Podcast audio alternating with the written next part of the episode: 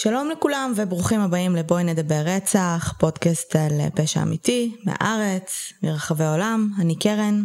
ואני שלי. אה, ואנחנו יוצרות והמנחות של הפודקאסט, אז קודם כל תודה רבה למאזינים הקבועים שלנו שחוזרים אלינו בכל שבוע. ברוכים הבאים למאזינים החדשים. אה, במידה וזה הפעם ראשונה שאתם, שאתם נתקלים בנו, הגעתם לפרק שהוא אה, בדרך כלל לא, לא כל כך מאפיין, כי היום באמת יש לנו פרק אה, אה, עם אורחת, עם אה, ליבי. ליבי, את רוצה להציג את עצמך במילה שתיים? שלי, מה אתם מעדיפות? רגע, רגע, רגע, שנייה, שנייה. למאזינים שמגיעים אלינו בפעם הראשונה, בואי נסביר להם מה אמור להיות כאן, שידעו.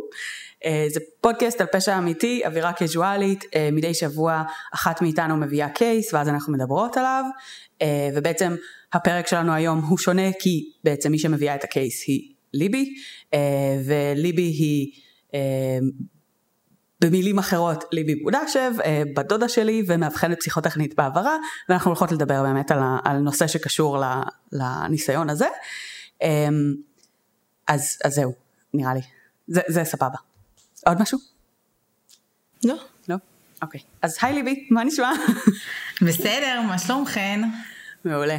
Uh, תודה שהצטרפת אלינו והסכמת לבוא לדבר על הנושא הזה. Uh, בעצם היו כמה פרסומים שנתקלנו בהם קצת לאחרונה, אנשים שלחו לנו כל מיני כאלה, uh, ויש איזה מין באמת באז קטן שהתחיל לעלות בהקשר של בוא נגיד השוברים שתיקה של המאבחנות הפסיכוטכניות. אמ, אז אה, את רוצה לספר לנו על זה? אמ, בטח, בשמחה.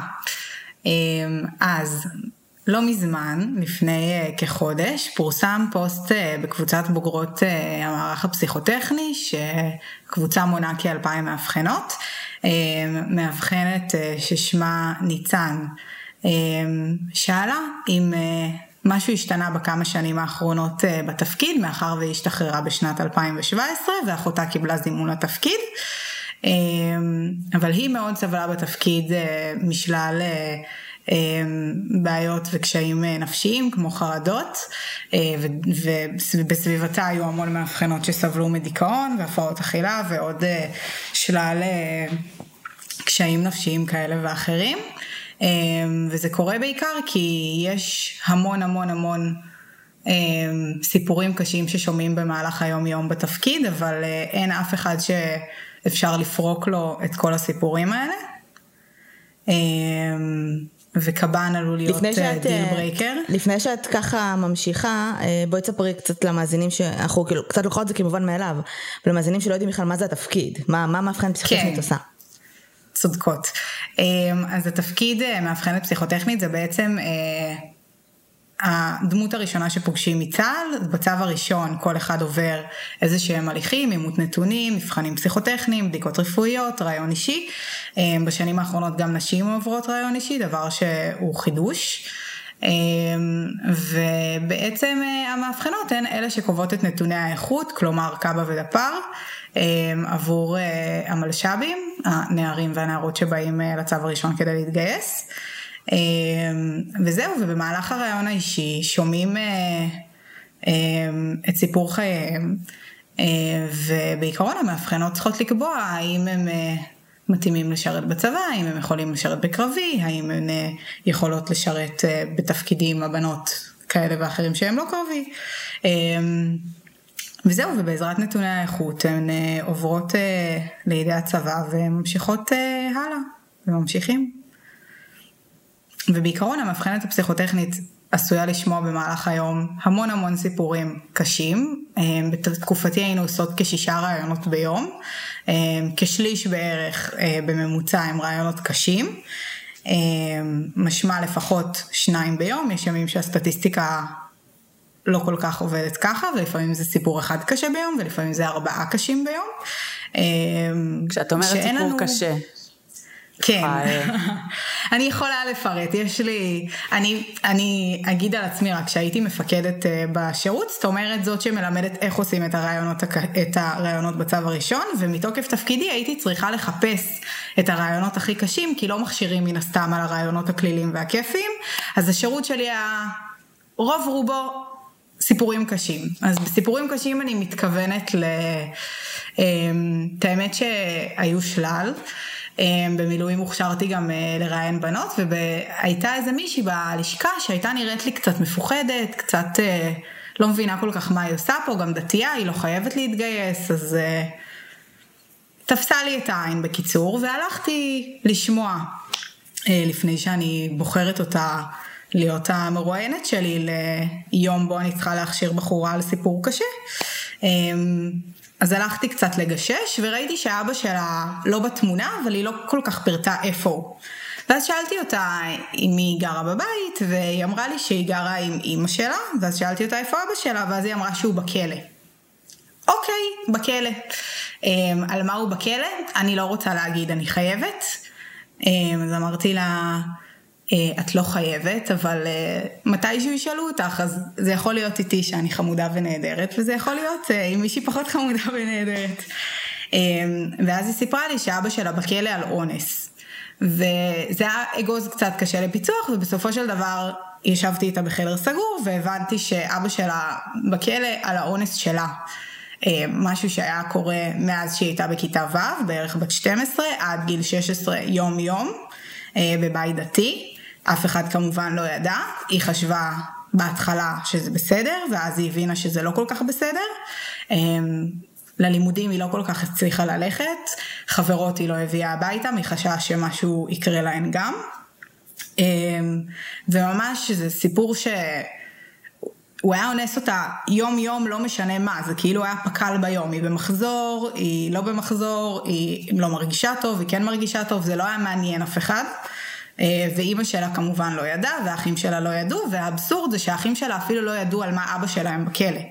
הם לא יודעים מה הסיפור, והם גדולים ממנה, זה לא שהם ילדים קטנים. אה, אבל המשפחה החביאה את זה כל כך עמוק, שאף אחד לא ידע, ושחלילה הבושה לא...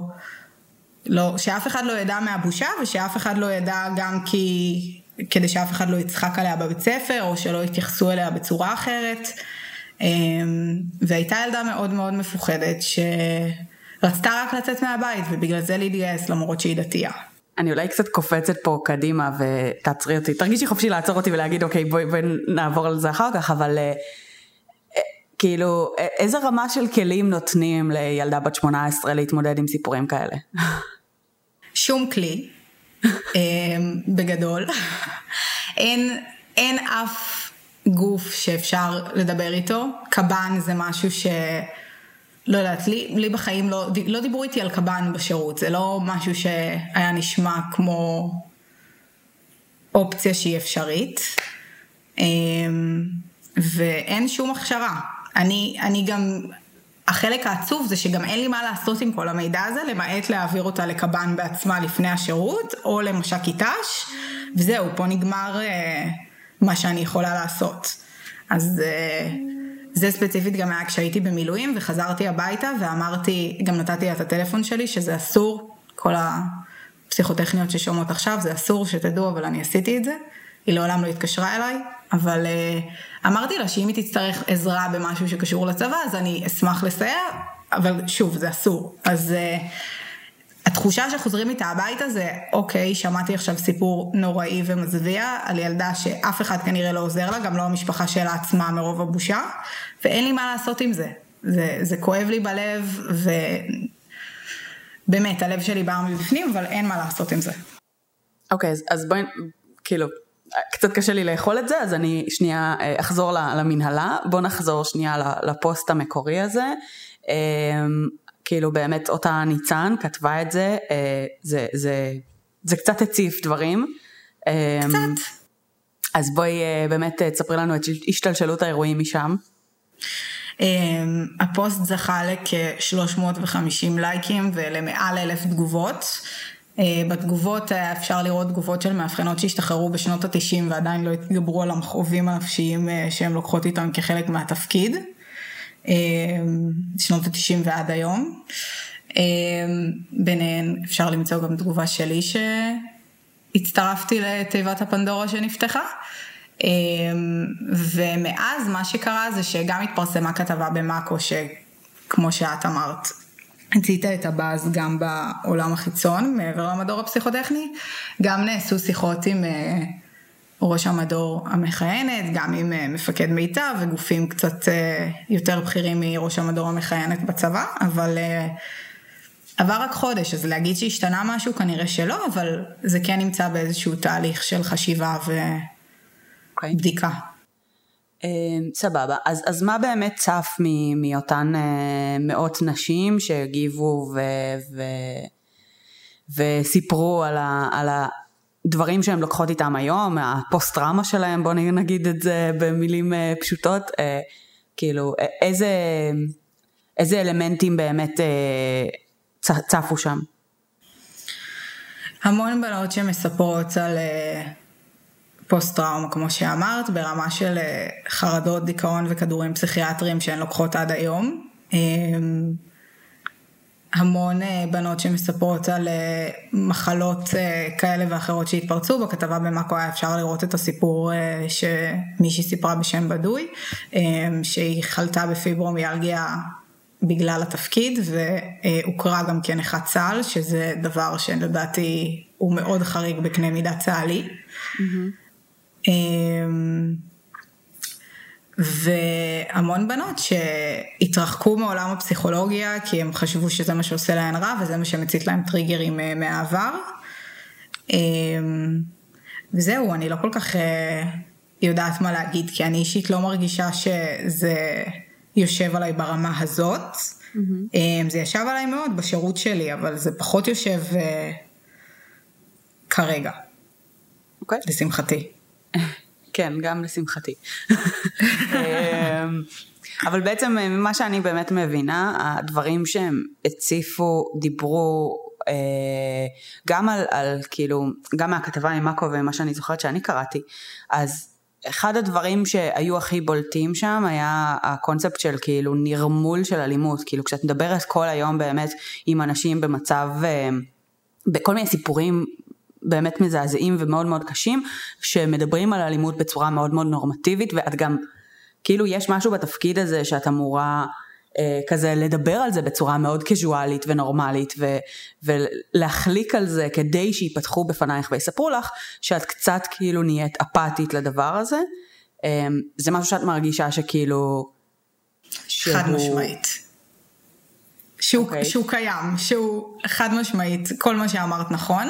אמ, כשהייתי מפקדת אז הייתי צריכה שוב לאתר את כל האנשים עם הסיפורים הקשים, אז נגיד מישהי הייתה אומרת לי, יש פה מישהו שאימא שלו מתה, אה, אימא שלו רק מתה? אוקיי, יש עוד דברים שקרו לו בחיים חוץ מזה שאימא שלו מתה?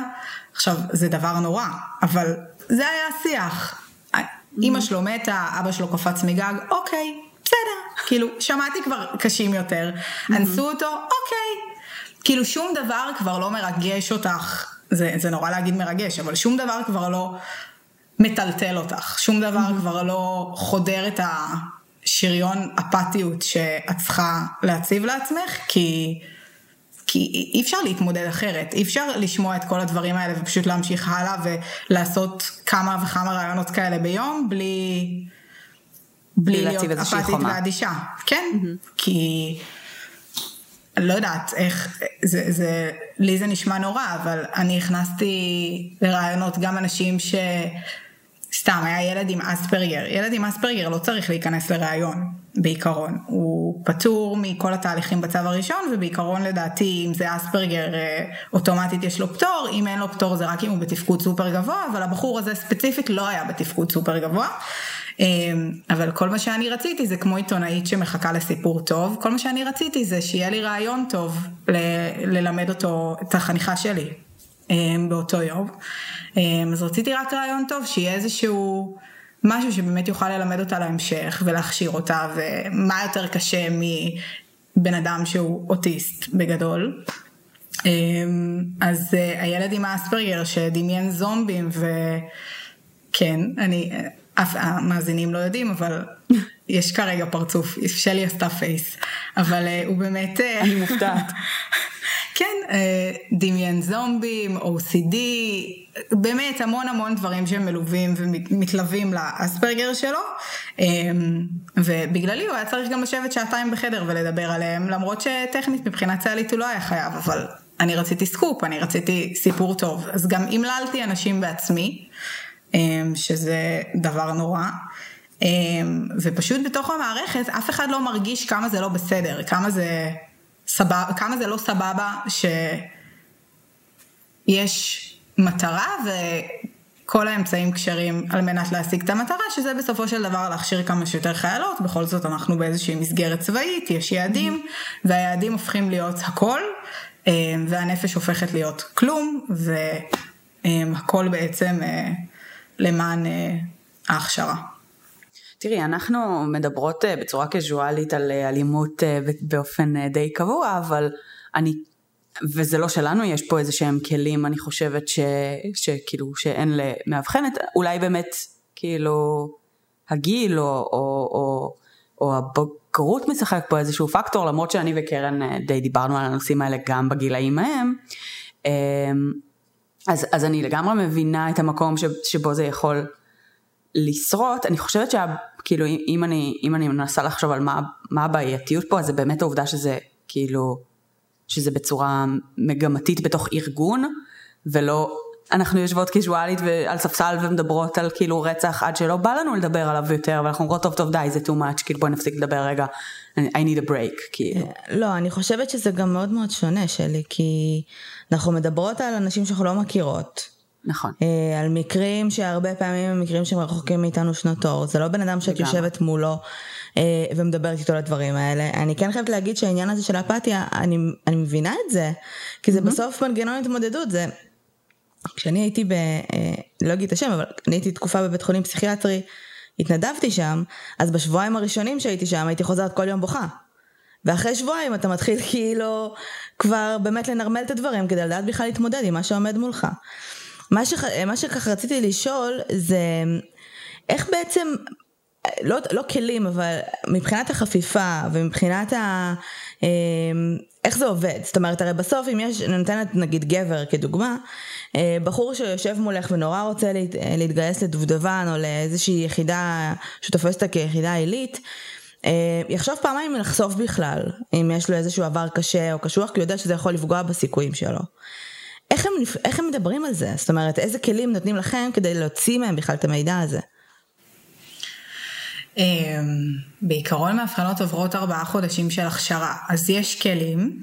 אמ, זה גם, אה, גם משהו שהם בסופו של דבר כשהם בתוך החדר, אז הם לא כל כך חושבים עליו, בגלל שיש איזושהי אווירה של אני בגילך ובערך, וכבר שמעתי את כל הסיפורים האלה שאתה מפחד אה, לדבר עליהם, כי זה התפקיד שלי. אמ, ו... יש גם אווירה נינוחה, שזה כאילו חלק מהמטרה, כן? המטרה היא בעיקרון הסיבה שלא איזה פסיכולוג עושה את זה, מישהו שהוא מבוגר, זה כדי שתהיה את אותה אווירה נינוחה ואווירה של שיחה. אמ, והכלים, זה, זה, זה, זה המון זמן של למידה, של איך להוציא דברים מבן אדם, זה כן משהו שאנחנו לומדות. וכמובן שלא כולם רוצים לספר, אמ, אבל... לפעמים הם גם, אני בטוחה שיש המון שמצליחים לברוח עם המידע שהם ניסו להסתיר ואף אחת לא יודעת. אמ, אבל יש המון שאפילו בטעות אומרים משהו קטן ומאבחנת חדה פשוט שומעת והיא עטה על הפיסת מידע הזאת והיא מתחילה לברר מה קורה מסביב ועד שהיא מבינה מה, מה, מה, מה, מה הוא ניסה להסתיר. אמ, ולפעמים גם יש המון סימנים מקדימים. כמו מה? כלומר, תיק פלילי, אה, המון המון מסגרות, אם הוא היה בבית חולים פסיכיאטרי, הוא כנראה ייעדר המון מהבית ספר, אז יהיה איזשהו בלאגן במסגרות שלו ונדע את זה. אמ, יש דברים שכבר יודעים מראש, שעוד לפני שבכלל שוחחנו עם הבן אדם. אז אה, קשה לא להגיד אותם. אוקיי, okay, אז, אז סיימת שיחה, בסדר? אמ, מה קורה? כאילו, אה, איך נראית החוות דעת שלך, אה, איך, אה, זאת אומרת, זה המלצות של שחור או לבן, למשל מתאים לתפקידים מסוג X ולא תפקידים מסוג Y, איך זה עובד? תפקידים זה משהו שאנחנו בכלל לא מתעסקות בו, אנחנו נותנות איזה שהם נתונים, ולפי הנתונים הצבא מחליט מי יכול להיות איפה. לדעתי, מתחת לקו 46 או 7 אתה לא יכול לשרת בקרבי, יש עוד ציונים מסוימים ש... איתם שנקבעים באותו יום של הצו הראשון, שבלעדיהם גם אי אפשר לשרת בקרבי. יש ציוני סף שהם פטור, קו 41 וקו 42, אבל בעיקרון מה שאנחנו עושות זה מפנות לקב"ן לרוב את המקרים הקשים, והקב"ן מחליט על סמך חוות הדעת שלנו ועל סמך הרעיון שלו עם אותו בחור או בחורה, אם הוא יכול לשרת בצבא או לא, ואם הוא משרת בצבא אז באיזה תנאים, ואם הוא לא יכול להישלח לתפקידים מסוימים. כאילו קרה גם שאני המלצתי על אנשים שהם היו עם סיפור חיים מחריד וכבר ישבו בכלא והמלצתי עליהם לדברים נתתי להם ציונים מספקים על מנת שיוכלו להיות בקרבי, ולרוב הקב"נים לא חלקו עליי, אבל גם קרה שכן. בא לי לספר לכם משהו אם אנחנו כבר בבואו נדבר. רצח, שראיינתי מישהו שישב על רצח כבר בגיל 17, בכלא אופק, שזה כלא נערים. זה לא היה, זה היה רצח, אבל לא ממש רצח ב, כמו שיש בפודקאסט. לרוב, זה, זו הייתה קטטה, שהוא ועוד שלושה חברים שלו הרביצו לבחור אחר, הוא ספציפית השתמש בלום, מישהו אחר השתמש בסכינים, ו, והבחור נרצח באותה קטטה. ואני, אני לא, לא, לא נעים לי להגיד, הוא היה אחד הבחורים המקסימים שנתקלתי בהם בחיי. אולי כי הוא היה כבר בתהליך שיקום ארוך מאוד, הוא היה שנה וחצי בכלא אופק, ואז עבר לחווה כזאת משקמת שנקראת נירים. אתם יודעות מה זה? כן. אני לא מכירה. זו עמותה שמשקמת נוער בסיכון, יש פנימייה ויש חווה חקלאית, שזה ההארדקור של ההארדקור, הם מהבוקר עד הלילה עובדים בחווה, חושבים על המעשים שלהם, אוכלים מאוד מעט, ישנים מאוד מעט, וככה מפרמטים אותם בגדול, ומרכיבים מחדש, ואז הם עוברים לפנימייה לתהליך עוד יותר עמוק. Mm-hmm. ומשמעתי, וכבר מכינים אותם עם מסעות ולצבא, הוא עוד היה בחווה, אבל זה כאילו היה כזה מקרה של נקלעתי לסיטואציה ונגררתי והייתי בן 15 ולא חשבתי על מה שאני עושה והופ סיימתי עם רצח של בן אדם. וכל אדם נורמטיבי יחשוב שצריך לשחרר אנשים כאלה מהצבא לדעתי. אני לא חשבתי ואולי זו גם בעיה. אמ, ואני קצת רוצה לבדוק מה קרה איתו, כי זה כבר היה אחרי השחרור שלי במילואים, אמ, אבל אה, אם הוא יתגייס לצבא, ואם הוא יתגייס לקרבי כמו מה שקורה עם רוב האנשים בנירים, אה, בגלל שהם מפרמטים אותם ובאמת הופכים אותם לאיזשהו משהו שהוא עילוי מבחינה מערכתית וצבאית, אז אה, אם אני חתומה על זה, זה קצת מחדל. קצת הרבה. ומצד שני, אם הבן אדם באמת השתקם, וכאילו את הבן אדם שנתן לו את ה-second chance.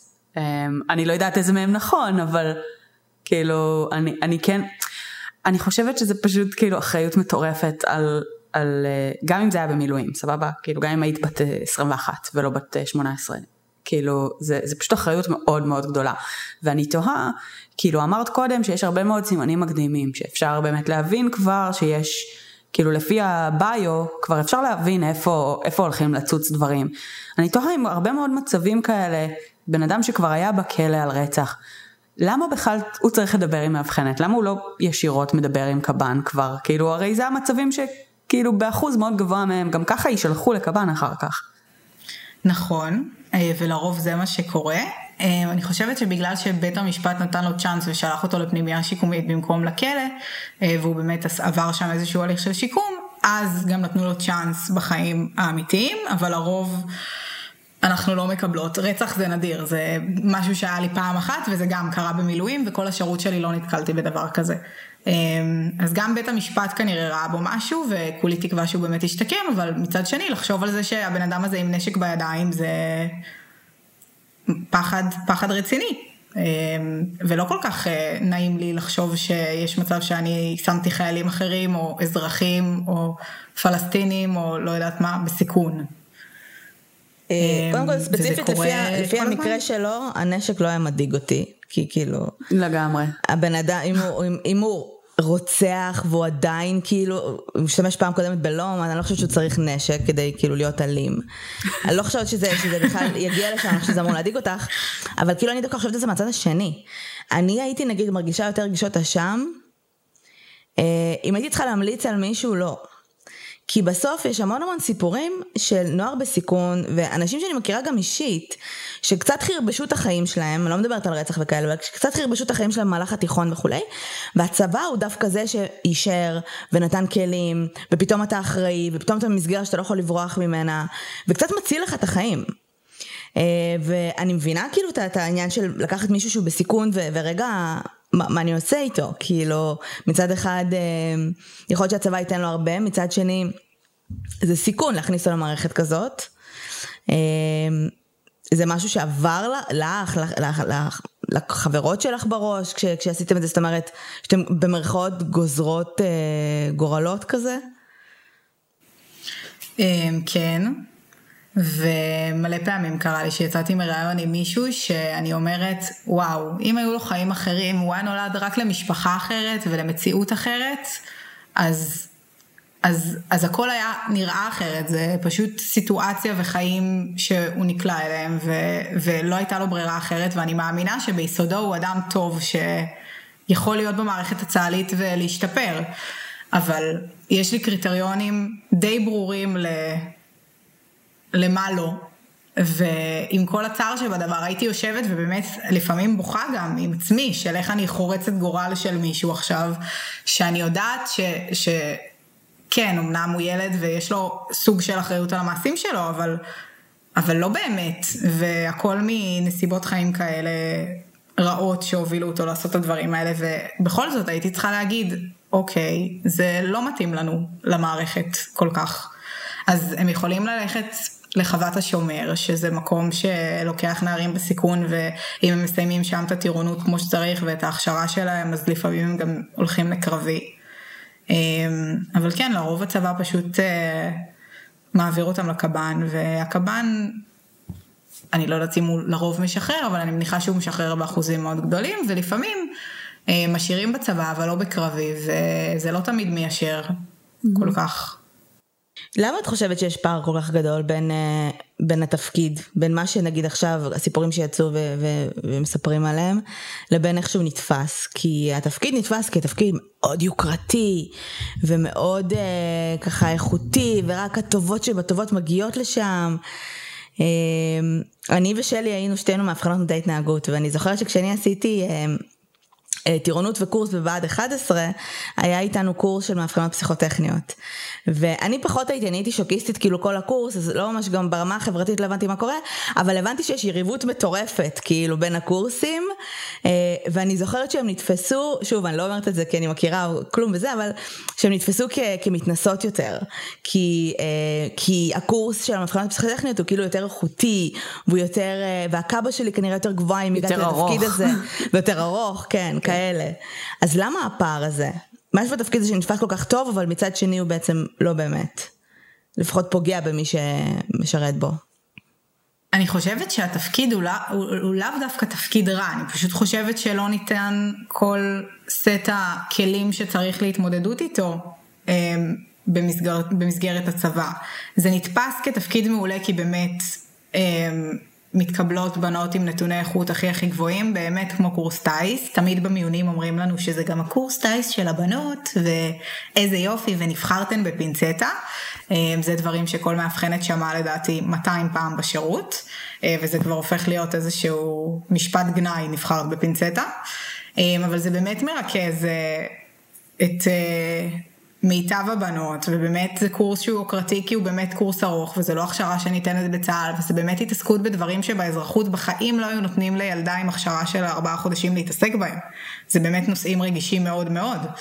אמ, אבל, והתפקיד הוא באמת מלמד, אני באמת מרגישה שאם אני רוצה עכשיו להוציא משהו מבן אדם, אני יכולה לעשות את זה ביתר קלות לעומת כל אדם אחר, ושאני יכולה לנהל שיחות בצורה שהיא הרבה יותר אה, טובה מכל אדם שלא הוכשר לזה, ושגם יש לי תובנות על אנשים, ולפעמים קצת סטיגמטיות, אבל כן, וניפצו לי הרבה תקרות, לא תקרות, הרבה בועות, ו... כן נחשפתי להמון דברים, פשוט חבל שזה היה כרוך בלחזור בשעות לא שעות אחרי מיליון סיפורים וללכת לבכות לאימא שלי. אמ, מספר פעמים מאוד מאוד רב בסוף כל יום, כמו שקרן אמרה שהיא חזרה מהמוסד אה, כן. הפסיכיאטרי שהתנדבה בו שבועיים ובכתה, אז זה בערך היה השירות שלי. Mm-hmm. ולצערי, אני מאוד מקווה שכל ההייפ הציבורי הזה עכשיו יוביל לאיזשהו שינוי, אבל זה הזוי בעיניי שאין איזשהו מקום מפלט, שאת בוכה נגיד גם בלשכה, ואז אומרים לך, טוב, קחי עוד רעיון. לא, אני בוכה עכשיו, תניחו לי, אני, עצוב לי, קשה לי, שמעתי סיפור מחריד. זה נורא. אמ, תגידי, ו... כן. קודם כל העניין של המפלט נגיד אני מאוד מסכימה אני מאוד מסכימה שהייתם צריכות להיות מלוות נגיד אפילו בקב"ן כאילו מישהו שמדברים איתו באופן קבוע אה, ורגע אפילו מוציאים את מה, ש, את מה שיש. עכשיו לעומת הסיפורים האחרים ששמענו, אלה שבעצם, אה, בחורה שכתבה את הפוסט, ואלה שככה דיברו על ממש אה, חרדות ודיכאון ומחלות שהתפרצו, ממה שאני שומעת ממך זה שהיה לא קל בעליל, אבל זה לא משהו שנשאר איתך היום, זה לא משהו שהשפיע עליך ברמה, ברמת התפקוד היומיומי שלך, וזה אפילו נשמע שמה שנקרא, מה שלא הורג מחשל, שבסוף גם למדת מזה ולקחת מזה כלים ודברים הלאה. אמ, יש מצב שיש, שיש, שאחת הבעיות ב, בכל הסיפור הזה זה המיון לתפקיד? יש מצב שיש אנשים שפחות מתאימים לתפקיד הזה מאנשים אחרים פשוט? אמ, אני יכולה להגיד שבתור מפקדת היו לי המון חיילות שהתגייסו עם בעיות נפשיות כבר לצבא, עוד לפני שהם באו לצבא, הם באו עם איזושהי חבילה אה, מהבית, אם זה הפרעות אכילה, ואם זה חרדות, ואם זה דיכאון, ומאוד אה, יכול להיות שהמיונים אה, בעצם, זה לא שהם פספסו את זה, זה שהם פשוט אמרו, אוקיי, היא מתאימה לנו, ולמרות כל הבעיות הנפשיות שלה, אנחנו ניקח אותה אלינו. אה, לרוב מה שקורה זה שהן או לא מסיימות, או, או עוברות באמצע תפקיד, או כן נשארות בלשכה בתור מאבחנות, אבל עושות רק דברים ספציפיים שלא עושים להם רע. וכן, אני חושבת שיש, אני גם עשיתי מיונים למדור, בטעות יצא ככה, אז אני חושבת שהמיונים דווקא מאוד דקדקניים וקפדניים. אה, אני פשוט חושבת שגם צה"ל יש לו איזה שהם מכסות שהוא צריך לתפקיד ולפעמים הוא מתפשר למרות מה שאומרים במיונים והוא פשוט לוקח גם את אלה שהן גבוליות לתפקיד וזה פשוט אה, עניין של אה, צורך, צרכי המערכת כמו שאוהבים להגיד לנו בצבא ההגנה לישראל. אז אה, זה לא שלא עולים על זה, זה שעולים על זה ואומרים טוב נו, לא נורא. נורא. כן, זה, זה כאילו, נורא. זה, מבחינת uh, צה"ל זה קצת משחק של מספרים, זה קצת עניין של כזה כאילו, טוב אז יהיה לנו אחת שכאילו תיתן לנו רק uh, חצי שנה ולא שנתיים, בסדר, כאילו, זה כזה פחות, זה, זה, זה קצת נורא זה... להגיד את זה אבל, מה זה, זה קצת נורא להגיד, אבל... שנה, תפרוש כי תהיה על סף... uh, כאילו כן, דיכאון קליני. כי תפתח חרדות ותהיה, כן. אבל אני רוצה שנייה, דיברנו על המון אלמנטים שקשורים באמת לטראומה הפסיכולוגית. אה, של, אה, של כאילו להתעסק ולהיות באמת כאילו בתוך הסיפורים האלה, אבל גם שם, כאילו בכתבה ובדברים שנתקלתי בהם, מתואר גם מצבים שהם ממש אלימות פיזית, זאת אומרת את, את נמצאת עם אוכלוסייה שלפעמים היא באמת אלימה ואת מראיינת ואת דוחפת להם כאילו על, ה, על הנקודות הכואבות וכאילו הדברים האלה קורים? זה, זה משהו שקורה באחוזים גבוהים או שאת יודעת כאילו להתייחס לזה? כן, אמ, קודם כל הדבר הראשון נראה לי שאומרים לנו זה שלכל מאבחנת יש בחדר לחצן מצוקה. הוא אדום, הוא גדול, הוא נראה כמו הכפתור שלוחץ על הטילים לאיראן והוא שם, מאוד נוכח. כן. וואלה. אמ, לא מכירה הרבה מאבחנות שיצא להן להשתמש בו, אולי אחת או שתיים, אבל קורה שהם מלש"בים אה, תוקפים, וקורה שהם תוקפנים ומאוד לא נהנים, והם משליכים את השולחן, והם יוצאים מהחדר באמצע הרעיון וטורקים את הדלת, ומקללים, מוסיפים איזה כמה צרור של קללות ככה נעימות אה, לאווירה. אמ, וקרה לי, לי קרה שהייתי בשבוע כלא, זה שבוע שאנחנו עושות בקורס. אמ, כדי להכשיר את החיילות באמת לשמוע סיפורים אה, מחרידים, לוקחים אותם לכלא צבאי, אה, גם לכלא 4 וגם לכלא 6, ואנחנו מראיינות את החיילים שם כדי להתאמן כאילו על יבש, על אלה שכבר נקבעו להם הנתונים. ובכלא שומעים הכי הרבה סיפורים ומעשיות, אני לא מדברת על אנשים שכזה, לא יודעת, דפקו נפקדות לשבוע ושמו אותם בכלא, זה פלוגה א', איתם אנחנו פחות מתעסקים, זה השמנה והסלטה של הכלא, אני מדברת על הסיפורים ההארדקור באמת. וקרה לי שהייתי בכלא 6 ובדקתי עם איזה עצור, ניסיתי לגשש מה הסיפור כדי לדעת שאני לא עם איזה סתם אחד שהוא פרש וסיפור משעמם, בא לי ג'וס. ואז הוא אמר לי, בקיצור לא הבנתי, מה את שואלת פה כל כך הרבה? ואז אמרתי לו, אה, לא, סתם, סתם שואלת, אתה לא חייב, הכל בסדר, כאילו כבר נבהלתי, כי הוא גם מתקרב אליי פיזית ורחן אה, לעברי. ואז הוא אמר לי, שומעת? אין לי פה עדיין נשק, אבל אני אשיג אם צריך, את לא מדברת איתי יותר.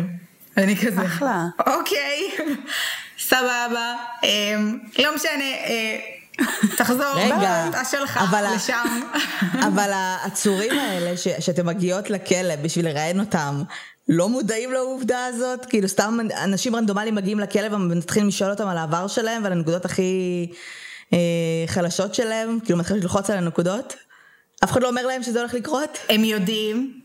אוקיי. הם, אוקיי, אני, אני אסביר את הסיטואציה. לפני, בעיקרון, בקורס לומדים בצוותים. מה זה אומר? שמישהי מראיינת מישהו ואיזה עשרה אנשים יושבים ומסתכלים. בכלל לא סיטואציה מוזרה. אה, וואו. למי שמתראיין ומספר על כל החיים שלו, מבטיחים להם שזה נשאר בחדר, וזה באמת אכן נשאר בחדר. אמ, אבל... אה, ולפני שהוא נכנס לחדר, אז מגיע השלב שאני כזה חוקרת קצת לפני ומסבירה לו מה הולך להיות ושואלת אותו. בכלא אני לא באמת שואלת אותו כי הם עושים מה שאומרים להם, אבל uh, מוודא שזה יהיה סבבה מצידו. אז מבחינתו זה לא היה סבבה. Uh, היה מישהו שזה היה מאוד סבבה מבחינתו, כי הוא היה בכלא כבר חצי שנה והוא היה רק מת לראות, מסתבר, נשים, ואז הוא אמר לי, הסניף אותי, כזה עשה לי... לא יודעת אם שומעים את הסנפה שנתתי עכשיו, אבל הסניף אותי, ואמר לי, יואו, כמה זמן לא הרחתי אישה. זה הבושם, איזה בושם זה? זה עם הפרח, נכון? ואני כזה, אה, לא יודעת, תחזור לתא שלך. לא, לא היה נראה לי מתאים שיהיה בחדר עם עוד 12 נשים קטנות. אה, בתור גבר חסון ומלחיץ, אבל אה, גם כן, חצי שנה, כאלה מה. אתה דרמטי? כאילו, חצי שנה, מה קרה? חצי שנה לא הריח אישה, קרן, זה מאוד מאוד לא פשוט מסתבר. כן.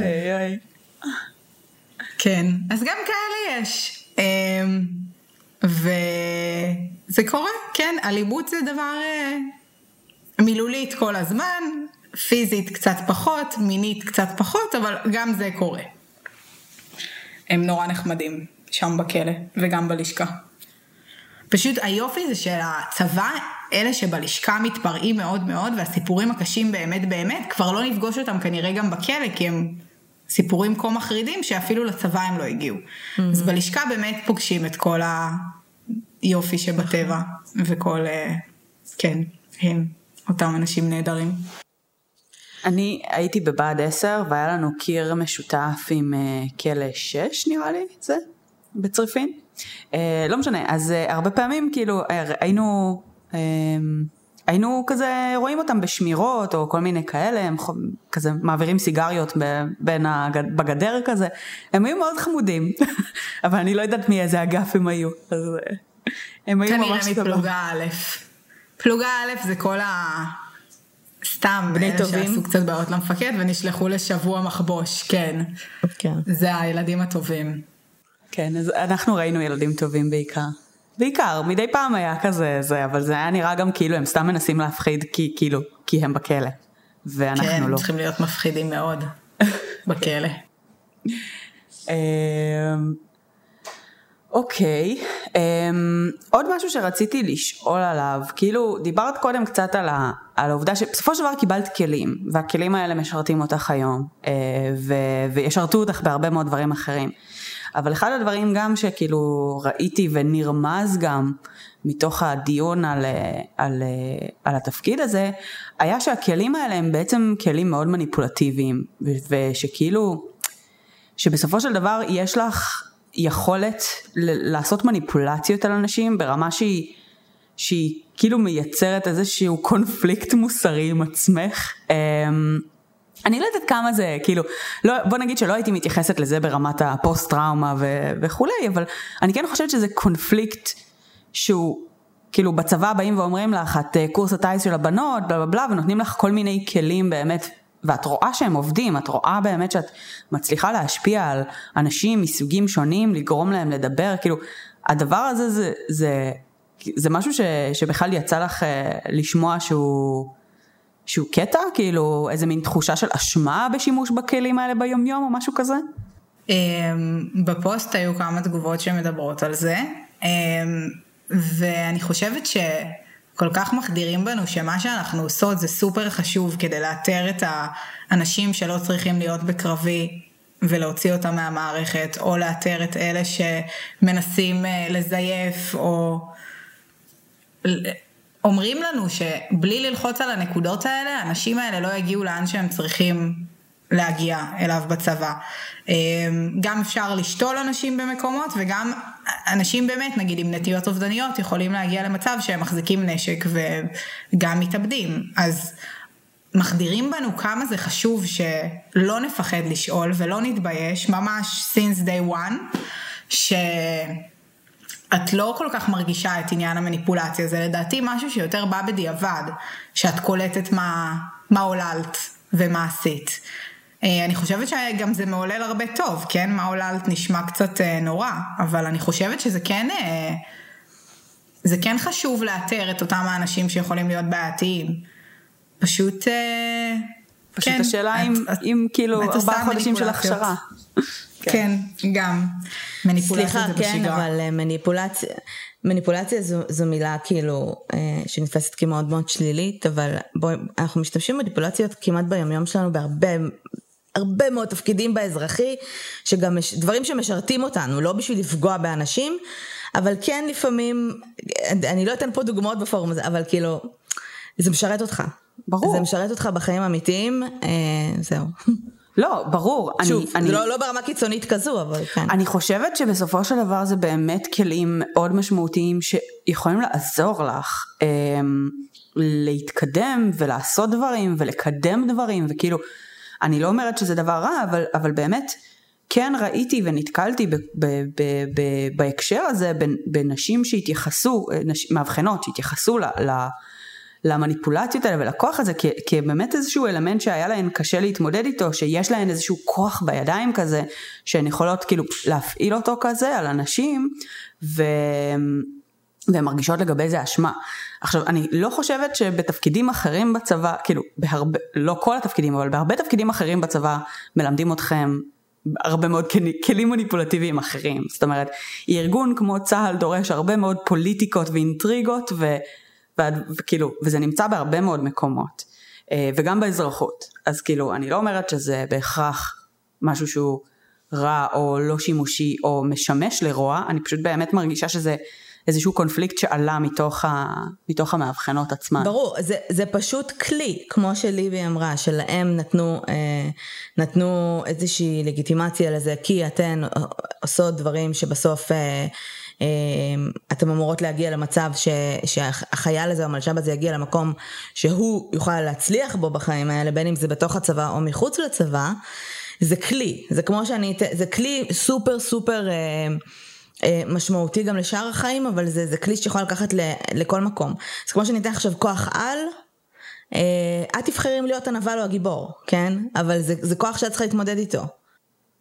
אני רוצה לעשות פולו-אפ על, על, על, על כאילו, בקטע של הסיפורים שסיפרת, אה, אז את מכירה מצבים כאלה של פספסנו, כאילו מישהו שראינו אותו כנורמלי והכל היה תקין ו, וכאילו והכל היה בסדר ואחר כך uh, התאבד או, או כאילו היה איזשהו, כאילו את מכירה מצבים כאלה באמת של מאבחנות שסוחבות איתן את הדבר הזה ו, ו, ואיך בכלל מתמודדות עם דבר כזה?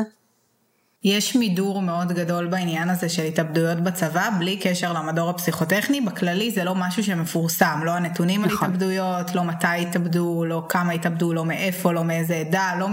שום דבר. נכון. אמ, וגם המידור הזה הוא גם במדור הפסיכוטכני, היחידה שנחשפת זה ראש המדור והסגנית שלה, שהן שתי קצינות. אמ, שהן ברגע שמישהו מתאבד אומרים אה, בעיקרון סגנית אה, ראש המדור, עין רמד קוראים לה. אה, בעיקרון היא בודקת מה המאבחנת עלתה, מה המאבחנת ידעה, מה המאבחנת כתבה, והאם היא זיהתה את הדברים האלה קודם, אה, או לא. אבל לנו לא אומרים, אנחנו גם לא יודעות, זה, זה לא מה שאנחנו יודעות אם מישהו יתאבד, אלא אם כן אנחנו מכירות מישהו שיתאבד, אז בפן הזה די שומרים עלינו הייתי רוצה להגיד, כי אני חושבת שזו אחריות די גדולה לדעת שמישהו שראיינת התאבד, וזה עוד יותר מתסכל אם כן עלית על משהו, ו... והצבא פשוט עושה מה שהוא רוצה, ובסוף הבחור אה, או הבחורה התאבדו. אז זה נורא זה הגיוני גם שלא אומרים לכם כלום, זה לא שעכשיו ייקחו אתכם לשיחת משוב וכזה. תקשיבי, רף ההתאבדויות אצלך הוא ממש גבוה. את חרא של מאבחנת כנראה, זה כאילו התאבדות. זה לא בן אדם שלא מצליח בעבודה שלו והבחנת אותו לא נכון ברעיון עבודה, זה כאילו הבן אדם מת. כן, אז זה הגיוני שלא חושפים אה, אותן הדברים האלה. מאוד קשוח.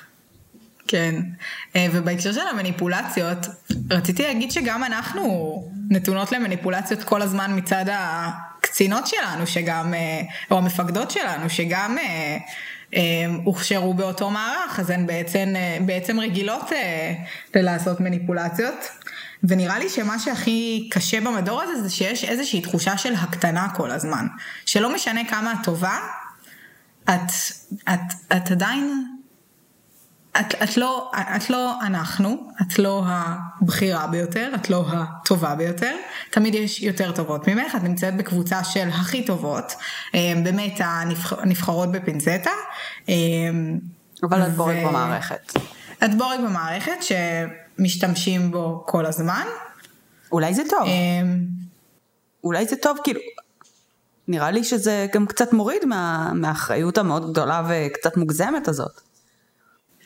אמ, נכון, מצד אחד זה נכון, מצד שני, סתם, מה שעלה מהפוסט זה הרבה תחושות של אני טיפשה ומטומטמת, של אני לא טובה מספיק, לא משנה מה אני עושה, אני לא טובה מספיק, אמ, אני טובה רק בשביל להפליץ מלא רעיונות ביום, או לעשות מלא עימותי נתונים ביום, ולהמשיך הלאה, וזה גם חוויית תסכול מאוד קשה. הבעיה בתפקיד הזה זה שאחת הבעיות זה שאין איזשהו אפיק קידומי למרבית הבנות והן נשארות שנתיים לעשות את אותו דבר כמו שהרבה חיילים בצה"ל, כן? זה פשוט mm-hmm. באמת מקום שמרכז עליו הרבה בנות מוצלחות ואז, אה, ואז הן נתקעות בלשכה ושומעות את כל הסיפורים האלה במשך שנתיים ומאבדות שפיות וזה משהו שמאוד חסר, גיוון. אמ, ראיתי שהיה גם אה, מפץ, אה, המפץ הגדול של המיטו של המש"קיות ת"ש אחרינו. כן. אז אין לפחות פעם בשנה, 아, כאילו, כן? יש להם כן, תפקיד שהן עוברות. כן, זה גם התחיל.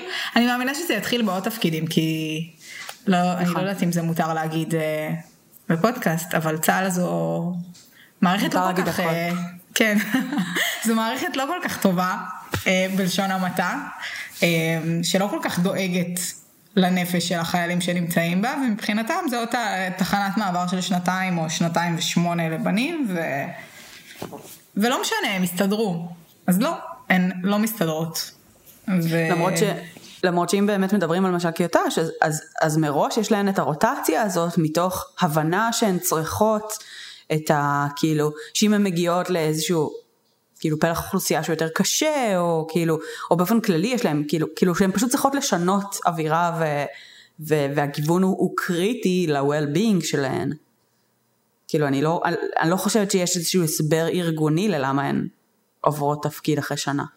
נכון, זה יכול להיות, זה. אבל אני כן חושבת שכאילו צבא זה כמו, זה, זה כאילו אמנם עולם צבאי והוא, והוא מתנהל אחרת מאשר עולם אזרחי, אבל זה כמו כל מי שלא משרת בקרבי ומגיע לצבא, את כאילו מתחילה סוג של, מהתיכון, מתחילה סוג של קריירה, mm-hmm. באיזשהו תפקיד שבמקרה חשבת שאולי יכול להתאים לך, ונבחרת אליו. אה, ו- ונשים ספציפית, גברים כמובן, רוב, אה, רוב, הרוב המאוד מאוד אה, גדול של חבר'ה בקרבים כמובן גברים, שבגיל 18 יוצאים ומסכנים את החיים שלהם, ונשים מגיעות לתפקידים שהם נחשבים לטיפולים, תפקידים שבאזרחות את צריכה הכשרה כן. הרבה יותר ארוכה, את צריכה לימודים הרבה יותר ארוכים, את צריכה לא בגילאים האלה, אבל את מגיעה לתפקידים באמת מאוד מאוד טיפוליים, ונחשפת נורא מהר לדברים שהם, שאתה לא נחשפת אליהם בכלל עד אותו יום. כן, אני, אה, אני מחכה ל, לראות את המחאה של ה... איך קוראים להם? אה, גחלת? אה, וואי. מתן בטח הסניפו תקשיבי, אני לא... לא ידעתי שהתפקיד הזה קיים עד שהכרתי מישהי שעשתה אותו. כאילו לא הכרתי את באמת? התפקיד. הקורס שלהם היה במקביל לקורס שלי בבה"ד 11.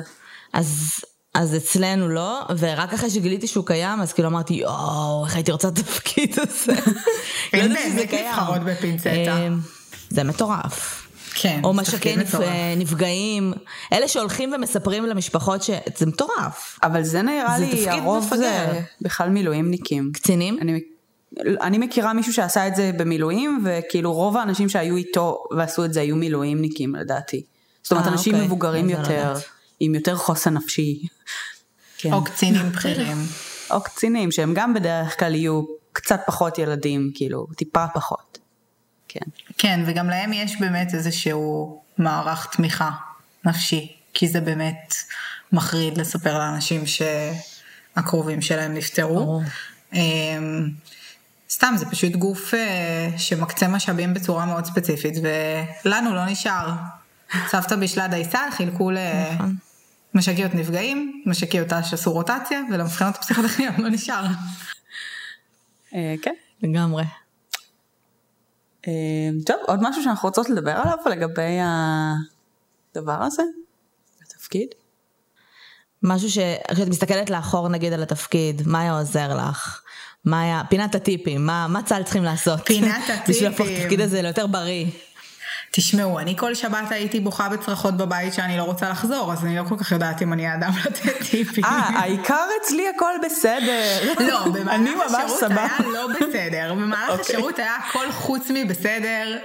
שנאתי כל שנייה, רציתי למות מהתפקיד הזה, ניסיתי לחשוב באמת על בריא. כל דרך אפשרית, כן, ניסיתי לחשוב על כל דרך אפשרית אה, להשתחרר מהתפקיד, אני לא יודעת אם את זוכרת מי היה בן זוגי דאז, אבל אפילו. איתו שקלתי להתחתן. אה, אני מקווה שאתה לא שומע את זה ונעלם. עכשיו, אבל... אה, כאילו זה הגיע למצב קטטוני, שקלתי באמת הכל הכל הכל, לשלם למישהו, רק לצאת משם, אמ, אבל באמת לא דיברתי, כי את, את צריכה לשדר שאת מושלמת והכל בסדר, אם את רוצה להתקדם ולהיות טובה, ומי לא רוצה להתקדם ולהיות טובה, כאילו, יש את אלה בצבא שקולטות שהכל זה סתם שיט, וכאילו להתקדם ולהיות טובה זה רק אומר שיטחנו אותך יותר. אמ, ויש את אלה שלא קולטות כמוני, אז אה, זה לא, גנים הכל לא גנים סובייטים, בדיוק. אז אה, לא היה בשירות כל כך קל. אה, אבל טיפים, לקחת הכל בפרופורציות זה נראה לי טיפ שקל להגיד וקשה לבצע, אבל אה, לחשוב שזה זה שנתיים, זה המון זמן, אבל זה מתישהו נגמר, ואז כיף, החיים נהיים בסדר, לא צריך לעשות את זה יותר, ואם את עושה את זה את מקבלת על זה מלא כסף ועל אזרחי וכיף לך. את עושה דברים בכסף, זה שונה, וזה ב... במינונים נכונים, ואת עושה את זה כמו שאת רוצה, כמו שאתן עושות את הפודקאסט ואומרות, אוקיי, יותר לא בא לי לדבר על רוצחים, אז ככה אני יכולה לעשות מ- יום של מילואים לכמה שעות, ואומרת, אוקיי, עכשיו לא בא לי יותר. אמ, אז הכל במינונים, ודברי, פשוט לדבר, לדבר, לדבר, ולא להדחיק, כי זה, כשזה נהיה מאגר בתוך הגוף של מלא רגשות קשים, זה מתישהו מתפרץ ומכה בך, אז דברי, גם אם זה אומר עם אימא או עם חברה, הם כל הזמן אה, משביעים אותנו לסודיות, ו, וזה נכון, זה חשוב שזה יהיה סודי, אבל אה, דברי בגבולות המותר, ואל תתביישי לפרוק, ואל תתביישי לבקש קב"ן. fuck it, כאילו, תבקשי קב"ן. זהו, אין לי טיפים טובים יותר. לגמרי. אני חושבת שאנחנו גם, כאילו כשהיינו חיילים בכלל לא הבנו את העובדה שקב"ן יכול להיות פונקציה של עזרה. זה תמיד היה כאילו, את רוצה לצאת מהצבא, את הולכת לקב"ן. שום דבר אחר, את לא הולכת לקב"ן בשבילו. כאילו, ולא. או שאם את הולכת לקב"ן, יש עלייך איזשהו כתם שילווה אותך עכשיו עד סוף החיים. כאילו, זו התפיסה אצלנו גם. אה, אז לא, כן, זה לגמרי... אף יותר. אחד לא יודע על זה, בנות. אף אחד לא יודע אם הלכתן לקב"ן, חשוב מאוד לומר. יודעים את זה בתוך הצבא, וזה לא מעניין אף אחד אחרי זה. ממש. ממש לא מעניין, ואם יש פה נערות מלש"ביות שכבר נחרץ גורלן, אי אפשר לצאת מהתפקיד הזה. once לא חתמת ויתור, את לא יכולה לצאת מהתפקיד הזה. אז uh, יש, אולי יש כאלה שנחרץ גורלן ושומרות את זה עכשיו, שתדעי, אף אחד לא יודע אם הלכת לקב"ן. לאף אחד לא אכפת באזרחות. זה לא מעניין. בקיצור, אין הרבה משאבים לתמיכה נפשית בצבא, אבל אלה שיש, תנצלי אותם. אין סיבה שלא. בדיוק. בדיוק. לגמרי. אוקיי, טוב, אה, תודה רבה. אה, זה היה פרק מאוד מעניין, ואני חושבת שאנחנו, שזה רק ההתחלה, כאילו נראה לי שהדברים, הם התחילו להיחשף, כאילו הפוסט הזה אמרנו היה ב-17 לדצמבר השנה, משהו כזה, אנחנו חודש אחרי, אה, אין לי ספק באמת שהדברים האלה יתגלגלו בצורה כזו או אחרת, אה, בין אם כאילו בתוך באמת התפקיד הזה, בתוך שלל תפקידים שבאמת בצבא היום, כאילו כמו המש"קית ת"ש ודברים אחרים ש, שכאילו, קיצור, אין לי ספק שאנחנו עוד נשמע על זה. אה, אם יש לכם, אה, למאזינים שלנו, משהו לשתף בנושא, אתם מוזמנים לכתוב לנו בקבוצה, בואי נדבר רצח ופשע אמיתי. גם ליבי שם, אז אתם יכולים לשאול אותה שאלות. ואם היא לא שם אז היא תצטרף. ברור שהיא שם, איזה אה, שאלה, איזה מין בדודה אני. סגור. זהו נראה לי. תודה שהאזנתם, אה, תעשו לנו אה, לייקים ותרשמו עלינו ביקורות ב iTunes, בפייסבוק, אה, כל הדברים האלה שעוזרים לנו להגיע לעוד אנשים. Uh, וזהו, תודה רבה. תודה לכן. תודה ליבי. נעמתם לי מאוד. תודה, ביי יוש. ביי.